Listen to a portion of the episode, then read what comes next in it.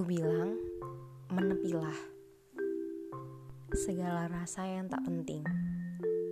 Segala rasa yang tervalidasi hanya sebatas bentuk untuk membuang waktu saja. Dan ya,